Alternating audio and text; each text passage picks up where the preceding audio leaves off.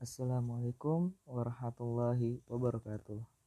Kembali lagi dengan saya Muhammad Andi Rifai dari kelas RPE Apagi semester 3 dengan NIM 4232001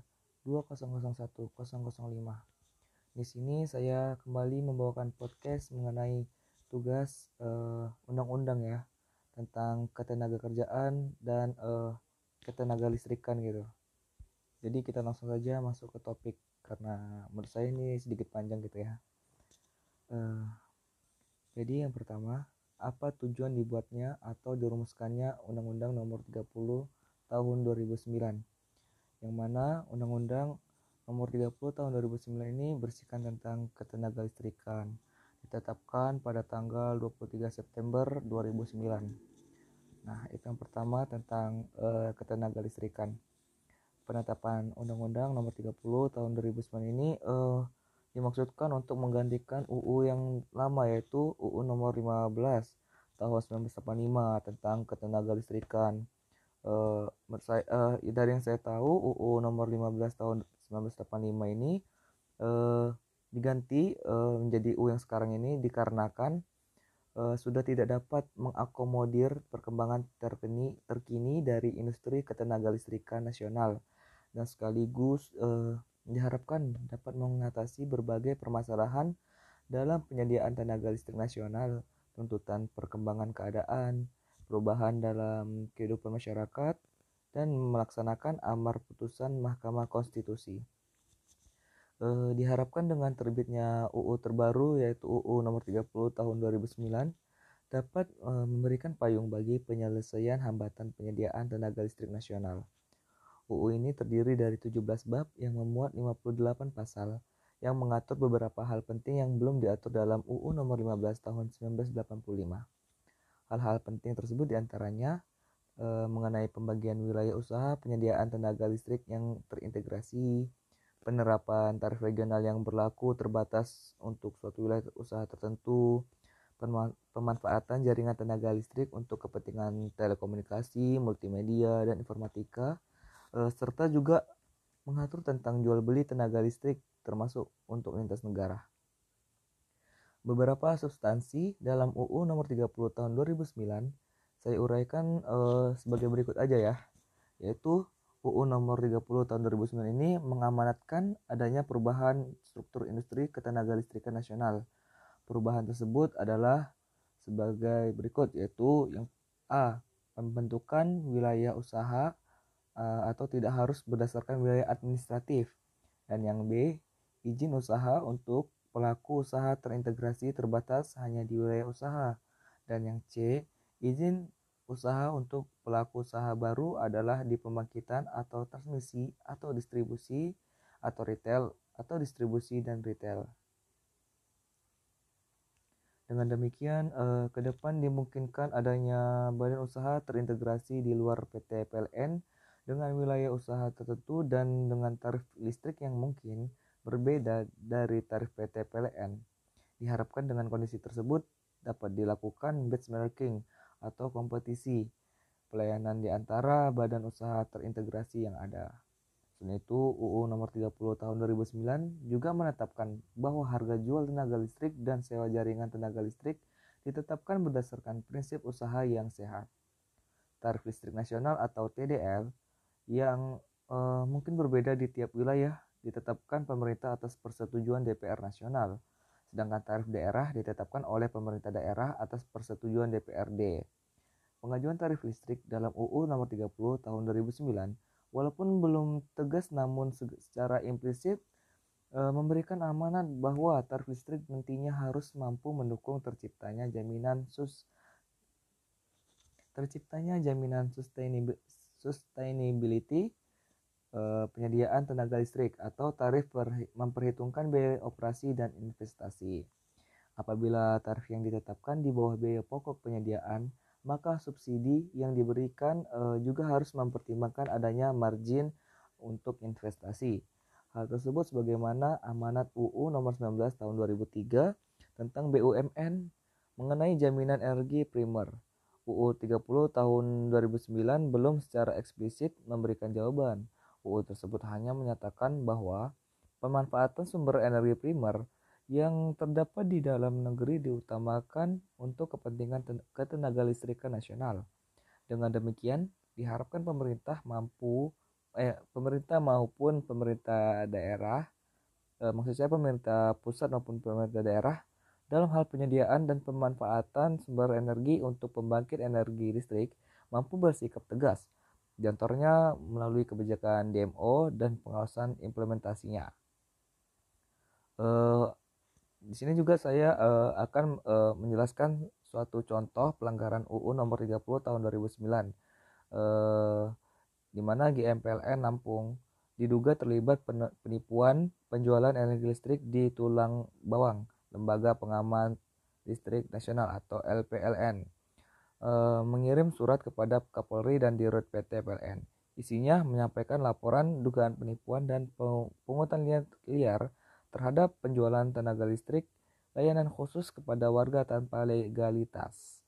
Pihak yang dilaporkan dalam surat tertanggal 22 Maret 2021 adalah Ketua Koperasi Bima Utama Sakti atau Kobus, GD Bagiasa Astana, dan pengurusnya serta GMPT PLN Lampung, GD Agung Sindu Putra.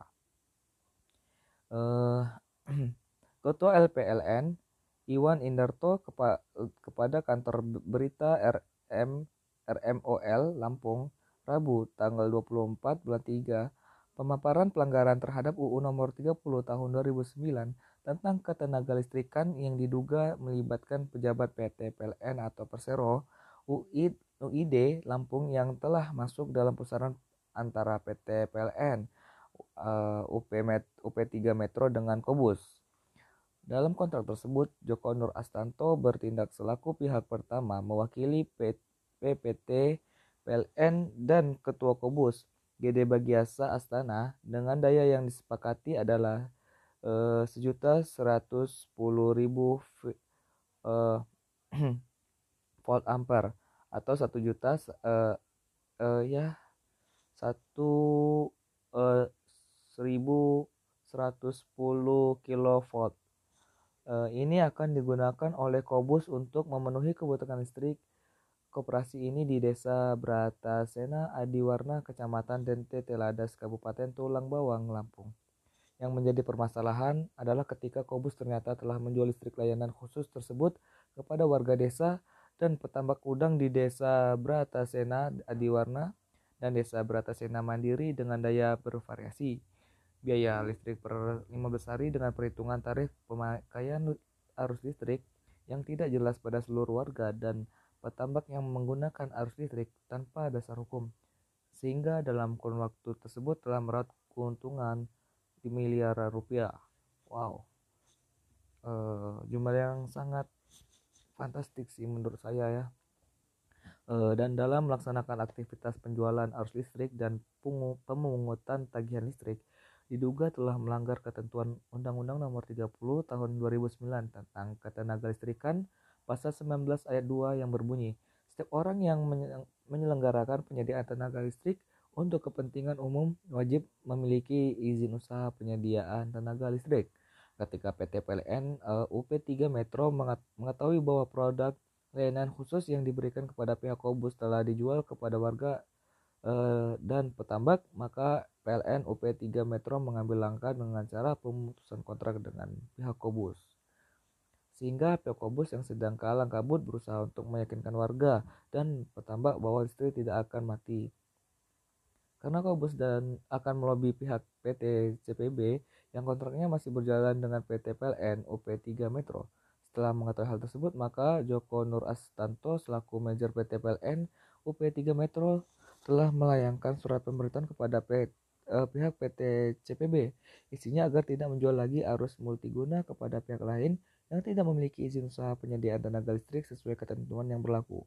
Sebagaimana yang dilakukan oleh Gede Bagiasa Artana selaku Ketua Kobus. Menindaklanjuti permasalahan tersebut, Gede Bagiasa Artana selaku Ketua Kobus telah datang ke kantor PT PLN UID Lampung menemui General Manager PT PLN UID Lampung, Gede Agung Sindu Putra.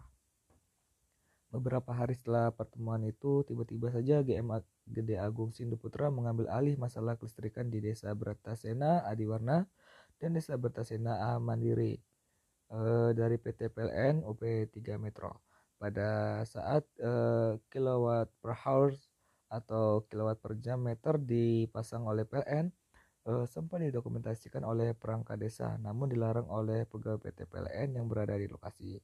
Selanjutnya, Sabtu tanggal 19 Maret 2021, GM PLN UID Lampung, GD Agung Sindu Putra, yang belum sebulan menjabat sebagai GM PLN Lampung, tidak memahami persoalan yang ada di Desa Bratasena, Adiwarna, dan Desa Seratasena Mandiri.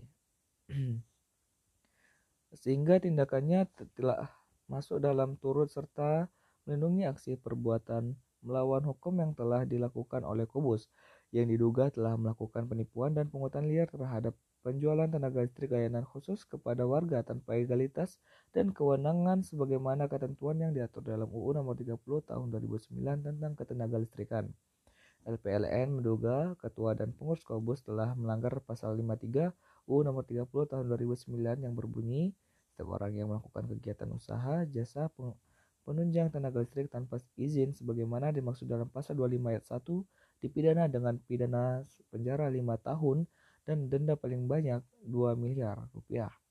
Selanjutnya, pada saat Kobus memakai jaringan distribusi listrik milik PT CPB untuk menyalurkan arus listrik ke rumah-rumah warga dan petambak, LPLN menduga tidak memiliki SLO, sehingga eh, telah melanggar pasal 54 ayat 1 setiap orang yang mempersihkan instalasi tenaga listrik tanpa sertifikat laik operasi dipidana dengan pidana penjara paling lama 5 tahun dan denda maksimal 500 juta rupiah. Selanjutnya dugaan melanggar pasal 55 ayat 1 dalam hal tindak pidana sebagaimana dimaksud dalam pasal 49 sampai dengan pasal 54 dilakukan oleh badan usaha. Pidana dikenakan terhadap badan usaha dan atau pengurusnya yang ayat 2 dalam hal pidana sebagaimana dimaksud pada ayat 1 dikenakan terhadap badan usaha.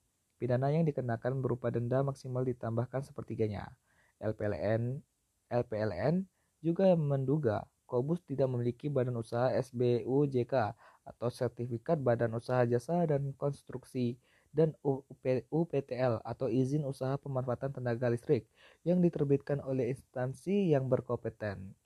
Setelah itu, kami pun e, menduga bahwa pihak Kobus melanggar UU Nomor 30 Tahun 2009 tentang ketenaga listrikan pasal 49 ayat 1, 2, dan 3. Yang menjadi pertanyaan kami khususnya kepada General Manager PT PLN atau Persero, Lampung Gede Agung Sindu Putra yang sangat paham tentang UU Nomor 30 Tahun 2009 tentang ketenaga listrikan seharusnya melaporkan Gede Bagiase Artana selaku Ketua Koperasi Bima Utama Sakti beserta pengurusnya kepada aparat yang berwenang. Sebagaimana contoh kasus serupa pada saat PT PLN Lampung di bawah kepemimpinan Pandapotan Manurung. Ujarnya seperti itu. Sebab yang diaju yang dilakukan oleh Gede Bagiasa Artana selaku Ketua Kobus telah melanggar pasal berapis pada UU nomor 30 tahun 2009 ya uh, mungkin menurut saya itu sih um, uh, yang telah saya peroleh dari hasil googling saya hasil mencari saya dari mana saja mengenai pasal-pasal tersebut. Uh, semoga ini dapat menjelaskan tentang pertanyaan kita semua mengenai undang-undang uh, dan contoh uh, pelanggaran dari uh, ketenaga listrikan. Uh, mungkin juga jika kalau ada teman-teman atau sekali semuanya yang ingin menambahkan uh, saya sangat menerima tambahan dari kalian semua karena ini adalah dari opini saya sendiri. Kurang lebihnya saya mohon maaf. Wassalamualaikum warahmatullahi wabarakatuh